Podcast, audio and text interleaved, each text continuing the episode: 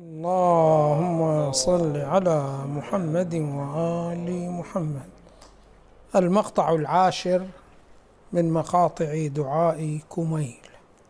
يقول الإمام سلام الله عليه يا إلهي وربي وسيدي ومولاي لأي الأمور إليك أشكو ولما منها أضج وأبكي لأليم العذاب وشدته أم لطول البلاء ومدته؟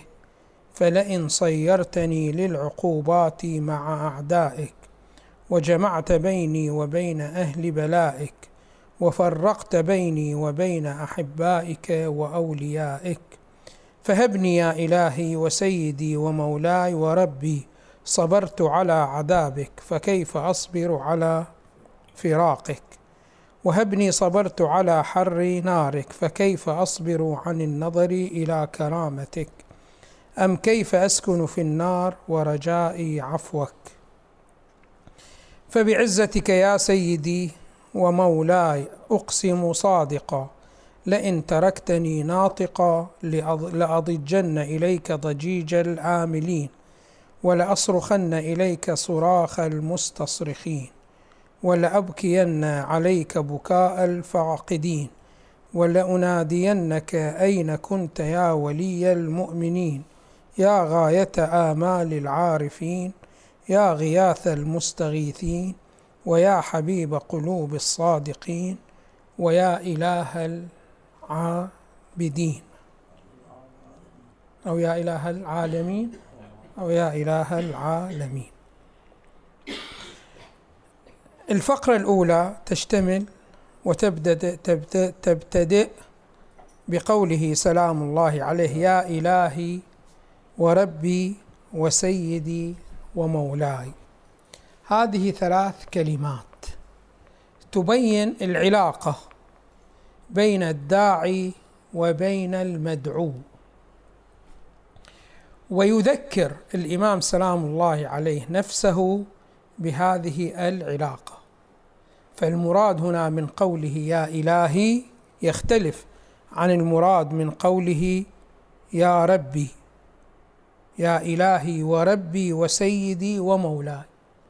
فهنا عندما يقول يا إلهي فمراده معنى يربطه مع الله سبحانه وتعالى. ثم يقول ربي أيضا مراده معنى آخر. سيدي مراده معنى ثالث. ومولاي معنى رابع. ويذكر نفسه بهذه المعاني حتى يطلب الأمر الذي يستوجب كل معنى من هذه المعاني. فعندما يقول يا إلهي الإله في اللغة هو عبارة عن المعبود. فيريد يبين بأنه أنا أعبدك. يعني شنو ماذا أعبدك؟ يعني لا أحترم أي إرادة إلا إرادتك. وهذا يستوجب أنه أنا إذا أحترم إرادتك فأنت يجب عليك أن تحميني من كل خطر.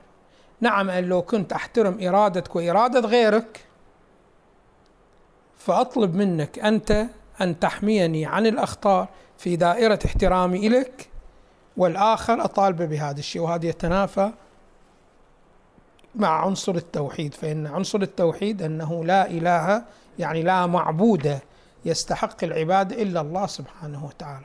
فأنت إلهي فأنا أعبدك وما لا أحترم إلا إرادتك فعليك أن ماذا؟ أن تحميني من كل المخاطر التي تتوجه لي سواء كانت في الدنيا أو في الآخرة. فإذا يا إلهي يعني يا معبودي أطالبك بما تستوجب عبادتي إياك. وربي الرب ما هو؟ الرب هو عبارة عن الشخص الذي يهتم بشؤونك ويوفر لك احتياجك وينقلك من النقص إلى الكمال. هو هذا الرب.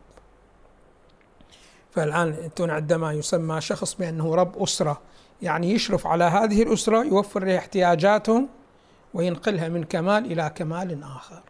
الآن الله سبحانه وتعالى هو الرب الوحيد الذي يتصرف باستقلال.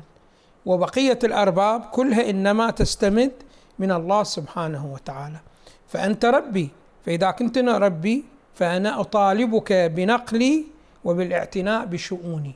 فتنقلني من النقص إلى الكمال ومن الاحتياج إلى الغنى. فهذه شنو مادة الرب؟ فإذا الرب يركز على علاقة غير علاقة الإله مع المألوه. الكلمة الثالثة التي ذكرها سلام الله عليه وسيدي سيدي في قبال المملوك العبد والسيد المالك والمملوك. فأنت ربي أنت مالكي. ومالكي من في كل حيثياتي.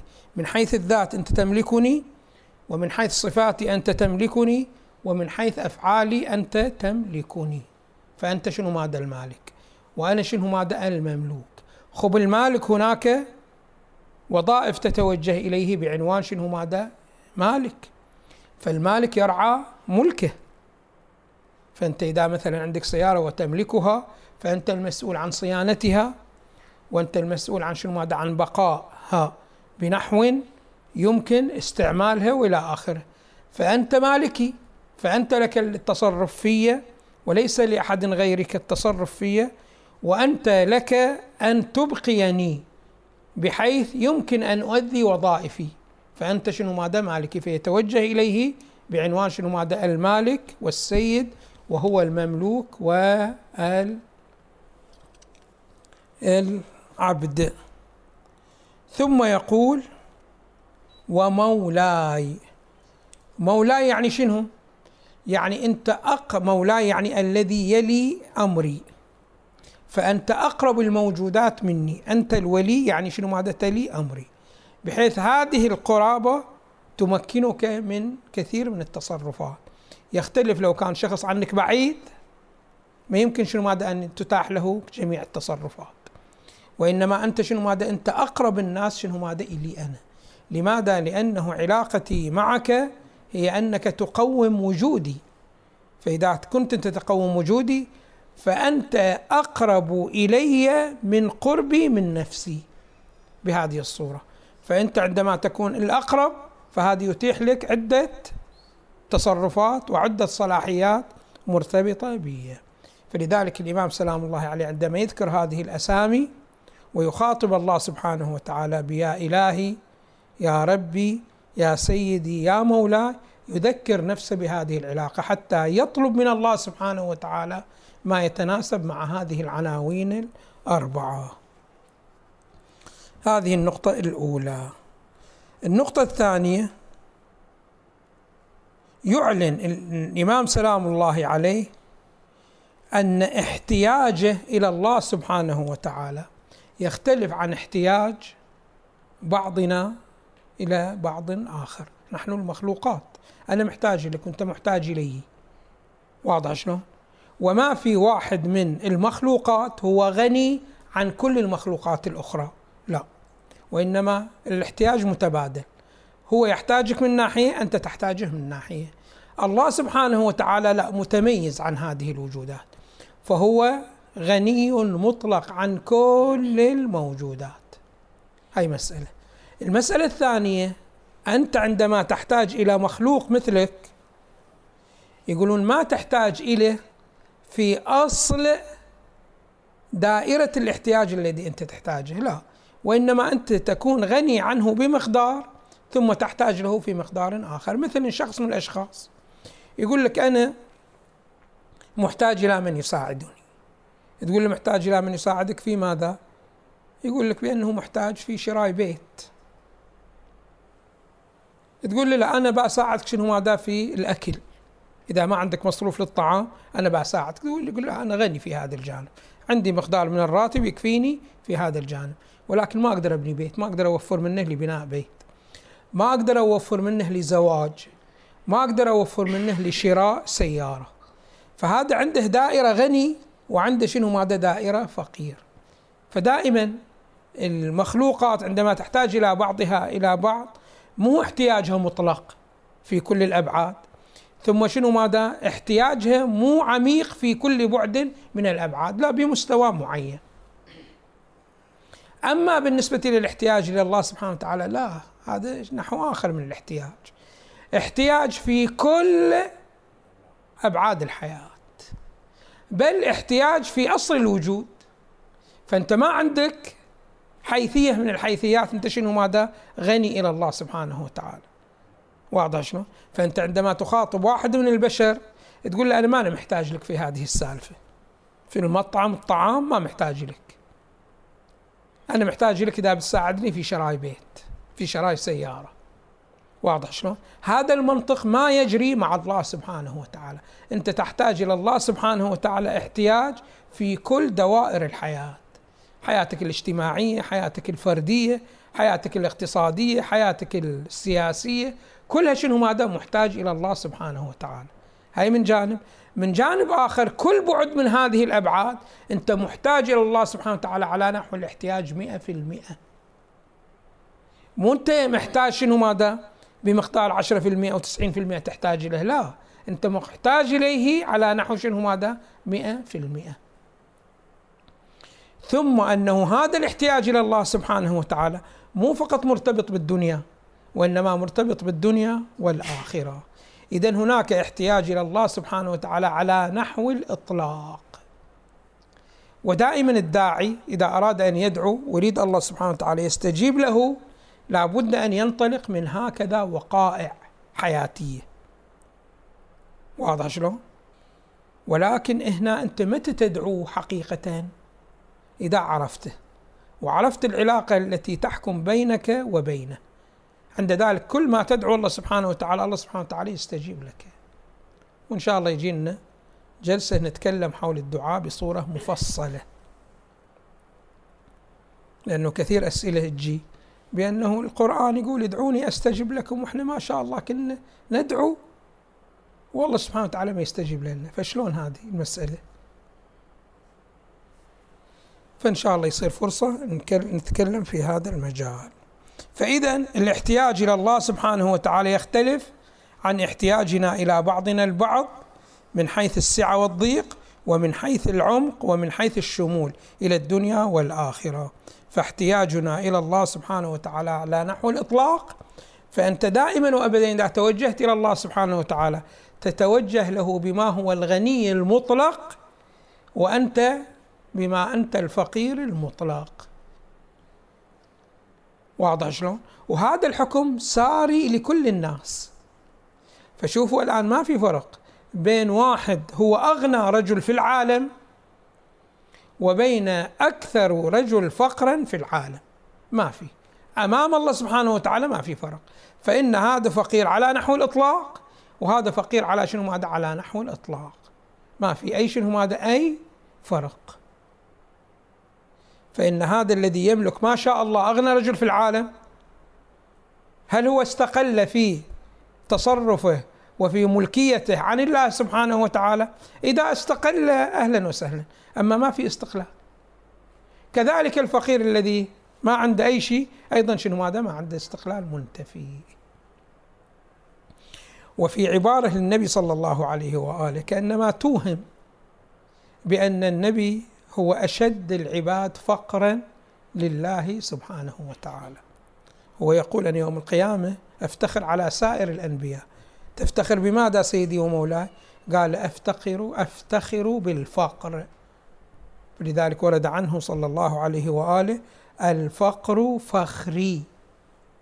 يعني أنا إذا بفتخر على البقية أفتخر شنو ماذا؟ بالفقر. هنا النبي صلى الله عليه وآله يريد يبين لنا معنى ولكن هو جدا مؤدب جدا جدا. يقول هو أدبني ربي فأحسن تأديبي. هو يريد يقول أنا أكمل الموجودات. واضح شلون؟ ولكن كأنما هذه أكمل الموجودات كأنما فيها نحو من الغرور. فلذلك قال شنو ماذا أنا أشد احتياجا إلى الله سبحانه وتعالى. لأنه بطبيعة الحال إذا أعطاه كمالات أكثر فدائرة احتياج إلى الله سبحانه وتعالى تكون شنو ماذا؟ تكون أكثر. فهنا بهذه النحو وبهذه الصورة. يقول شنو ماذا؟ يقول بأنه الفقر فخري يعني أنا أكمل الموجودات. لأنه أنا أكمل الموجودات فأنا محتاج إلى الله سبحانه وتعالى في كل هذه الكمالات. فأنت الآن إذا يجيبونك واحد عنده عشرة كمالات فقط وواحد عنده مئة كمال. خب هذا الكمالات العشرة معطاة من الله سبحانه وتعالى وهذا المئة كمال أيضا معطاة من الله سبحانه وتعالى. فيصح أن يقول أنا أشد احتياجا إلى الله سبحانه وتعالى باعتبار عنده عشرة وذاك عنده مئة. صاحب المئة يكون أشد احتياجا. فهنا النبي صلى الله عليه وآله يريد يبين بأنه أنا أكمل الموجودات. ولكن هذه كلها الكمالات الكمالات ممن؟ من الله سبحانه وتعالى. أنا ما إلي شيء. فأنا أكون شنو ماذا؟ أشد الناس احتياجا. وإلا الكل هو شنو ماذا؟ محتاج إلى الله سبحانه وتعالى. على نحو مئة في المئة بكل الأبعاد. النقطة الثالثة عذاب الآخرة يختلف عن عذاب الدنيا. الإمام سلام الله عليه يذكر نفسه بهذه الحقائق. خب من أي حيث يختلف؟ من حيث مهمة جدا جدا وهي أنه عذاب الدنيا قابل للتغير. فأنت تعيش مدة من الزمن تتعذب ثم تعيش من مدة من الزمن شنو ماذا؟ ترتاح. يقولون الدنيا ما فيها شنو ماذا؟ حالة ثبات. كلها شنو ماذا؟ في حالة تغير. فشوفوا إحنا الآن عشنا خمسين سنة أو ستين سنة أو سبعين سنة وشفنا شنو ماذا؟ من التغيرات ما شاء الله. شفنا عوائل كانت ما شاء الله يشار إليها بأنها أكثر الناس مالا. ثم تغيرت الأمور صارت شنو ماذا؟ إلى الوسط ثم صارت شنو ماذا؟ فقيرة. واحد شفنا شنو ماذا؟ ما شاء الله قادر وقدرة وإلى آخره. تشوف طب فيه السكري دهوره تدهور تام. واضح شلون؟ أرض تشوفها قفراء تجي تشوفها صارت مدينة. وإذا الله طال في عمرك تكون شنو ماذا قفراء مرة ثانية. فما في حالة شنو ماذا ثبات في الدنيا. يجيبون هذول كبار السن يقولون كان أكو ملك من الملوك عنده عبد. وهذا العبد كان مستضعف من كل الطاقم والكادر اللي يدير القصر وإلى آخره. فكان يشغلونه. في دائرة عمله وفي غير دائرة عمله. في كل شيء من الأشياء. وهو ما يعترض على أي شيء من الأشياء. فاجى واحد صاحب هذا الملك فشاف هذا كلش يعني مستضعف بين الخدم. فقال إلى الملك أنا إلي شيء أريد أطلبه من عندك تعطيني إياه. قال له شنو تريد؟ قال هذا العبد اذا تعطيني إياه توهبني إياه. وإذا ما تريد توهبني اياه أي سعر تطلبه أنا شنو هذا بعطيك إياه. قال لا مو سالفة سعر ولا شيء ولكن أنت كلمة إذا قبل أخذه وياك إلك. إيه. فراح هذا كلم العبد. قال له أنا أريدك تجي وياي وإلى آخر هالشكل. إيه. فقال له شنو الداعي يعني؟ قال لي الداعي بصراحة أنا شفتك أنت هنا. متأذي كثير. الكل قاعد يكلفك. لا صغير ولا كبير احترم. وانت الآن في هذا العمر وإلى آخره. إيه. قال لا ماكو داعي. خلني اتركني في حالي. قال لي شلون؟ قال له بهذه الكلمة عنده بأنه صحيح هذا اللي تقوله. ما أكذبك فيه وما أخطئ تشخيصك. ولكن ما تظل هيك. طريقة تعبيرهم. ما تبقى هكذا. تتغير الأمور. يقول جيت أنا بعد خمس سنوات فسألت عنه هذا وينه؟ قالوا أوه هذا صار الآن كبير. وين صار كبير؟ قالوا مسؤول الخدم مال القصر. كامل هالشكل. فيجي قال أنا أريد أشوفه. فيجي على حساب شنو ماذا يبارك إليه فقال له على شنو تبارك؟ قال له بعد صرت أنت الآن مسؤول قبل الكل مسؤول عليك. الآن أنت صرت مسؤول والآخرة قال له هم وش قلت لك أنا قبل؟ قالت لي ما تظل هيش ما تبقى هكذا. قال لها نفس نفس أقول لك الكلمة هذه ما تبقى شنو ماذا هكذا. فيقول بعد مدة مر عليه سأل عنه. قالوا إلي اترقى وطلع من سلك الخدم. لا هو خادم ولا رئيس شنو ماذا إلى الخدم وإنما أعطوه شنو ماذا إدارة. الشكل بهي الصورة. هم إجاه مرة ثانية هم شاف شنو ماذا وزير. إيه. يقول شنو ماذا بعد؟ مدة إجاه قالوا إليه مات. وين مات؟ قال بروح إلى قبره. أقرأ عليه فاتحة. يقول فرحت شنو ماذا إلى قبره؟ فقريت عليه فاتحة. شفت عبارته مكتوبة على القبر. ما تظلهش ما تبقى هكذا. قلت له لا يا حبيبي راح تبقى هكذا. انتهى الشكل. يقول بعد مدة طويلة شوي مريت على القبر إلا واحد إجي وصادر المقبرة وزرعها. يقول وقف صدق قلت ما تظل هيك واقعا ما تظل هيك. فالدنيا دائما شنو ماذا؟ بهذه الصورة. الآن بالنسبة للآخرة لا بعد.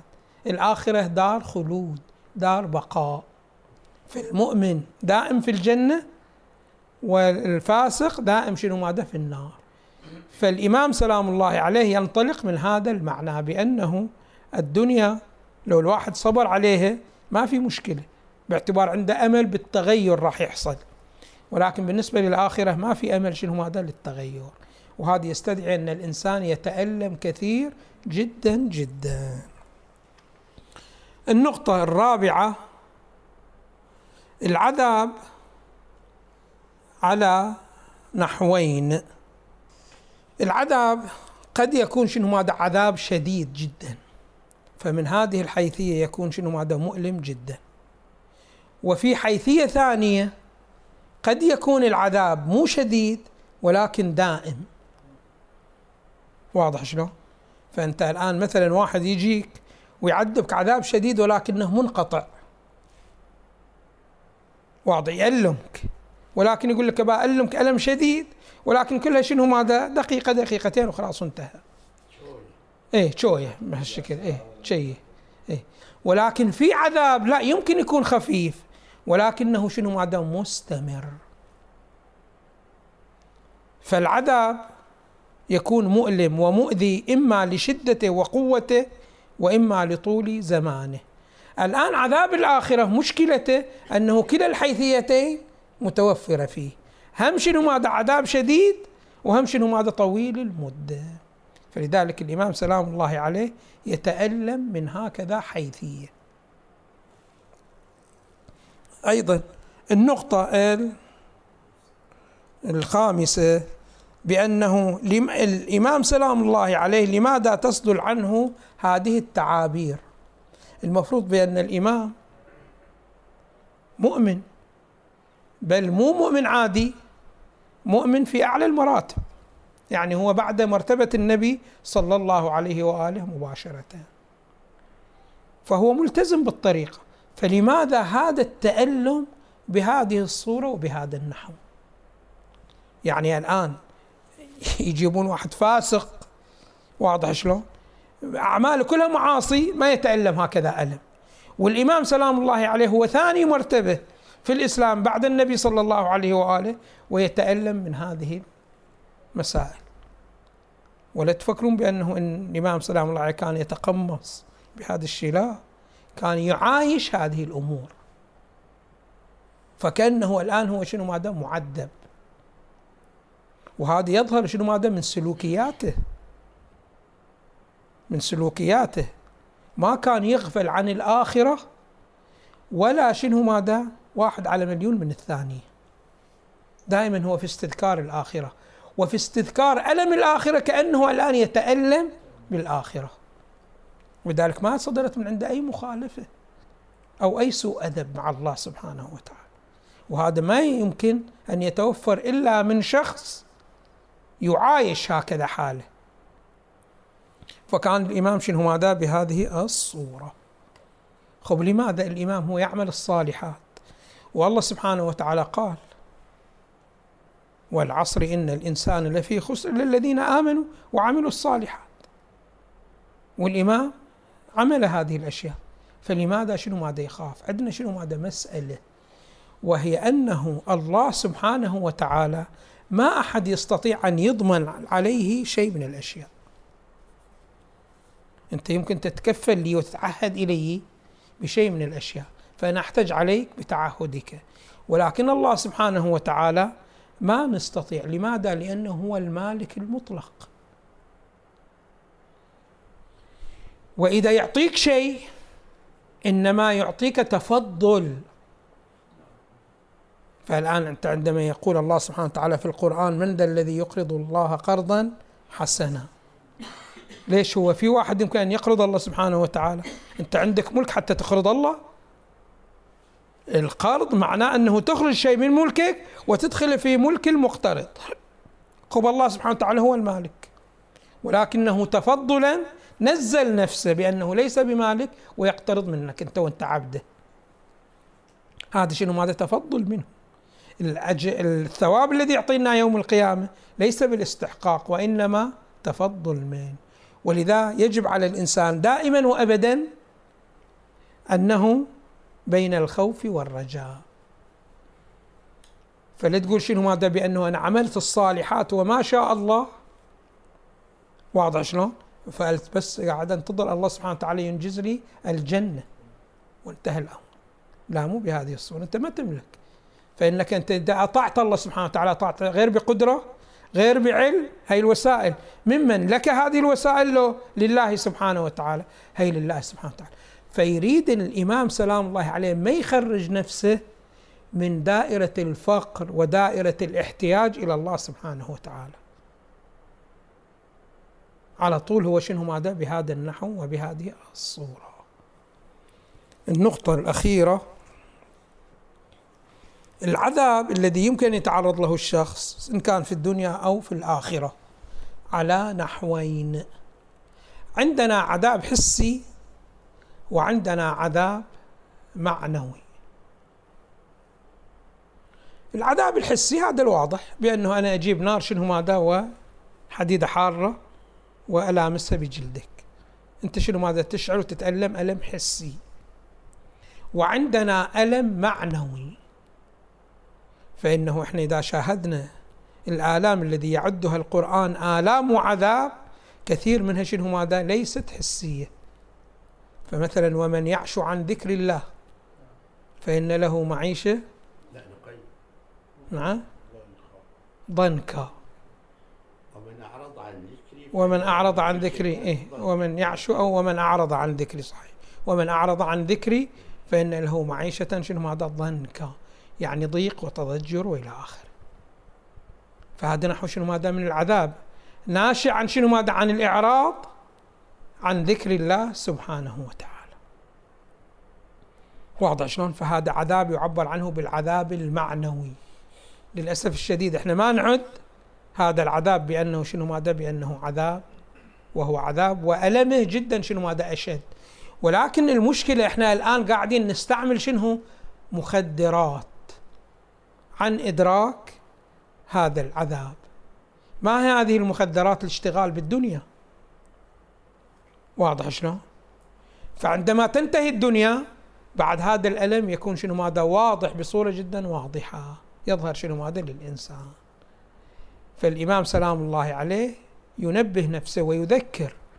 يقول له أنا هبني صبرت على حر نارك يعني النار الحسية وإلى آخره. فكيف أصبر عن النظر إلى كرامتك؟ هذه شنو ماذا؟ نار معنوية. فديك يمكن تحملها ولكن هذه شنو ماذا؟ ما يمكن أن تتحملها. والحمد لله رب العالمين وصلى الله على محمد وآله الطيبين الطاهرين. اللهم صل على محمد وآل محمد.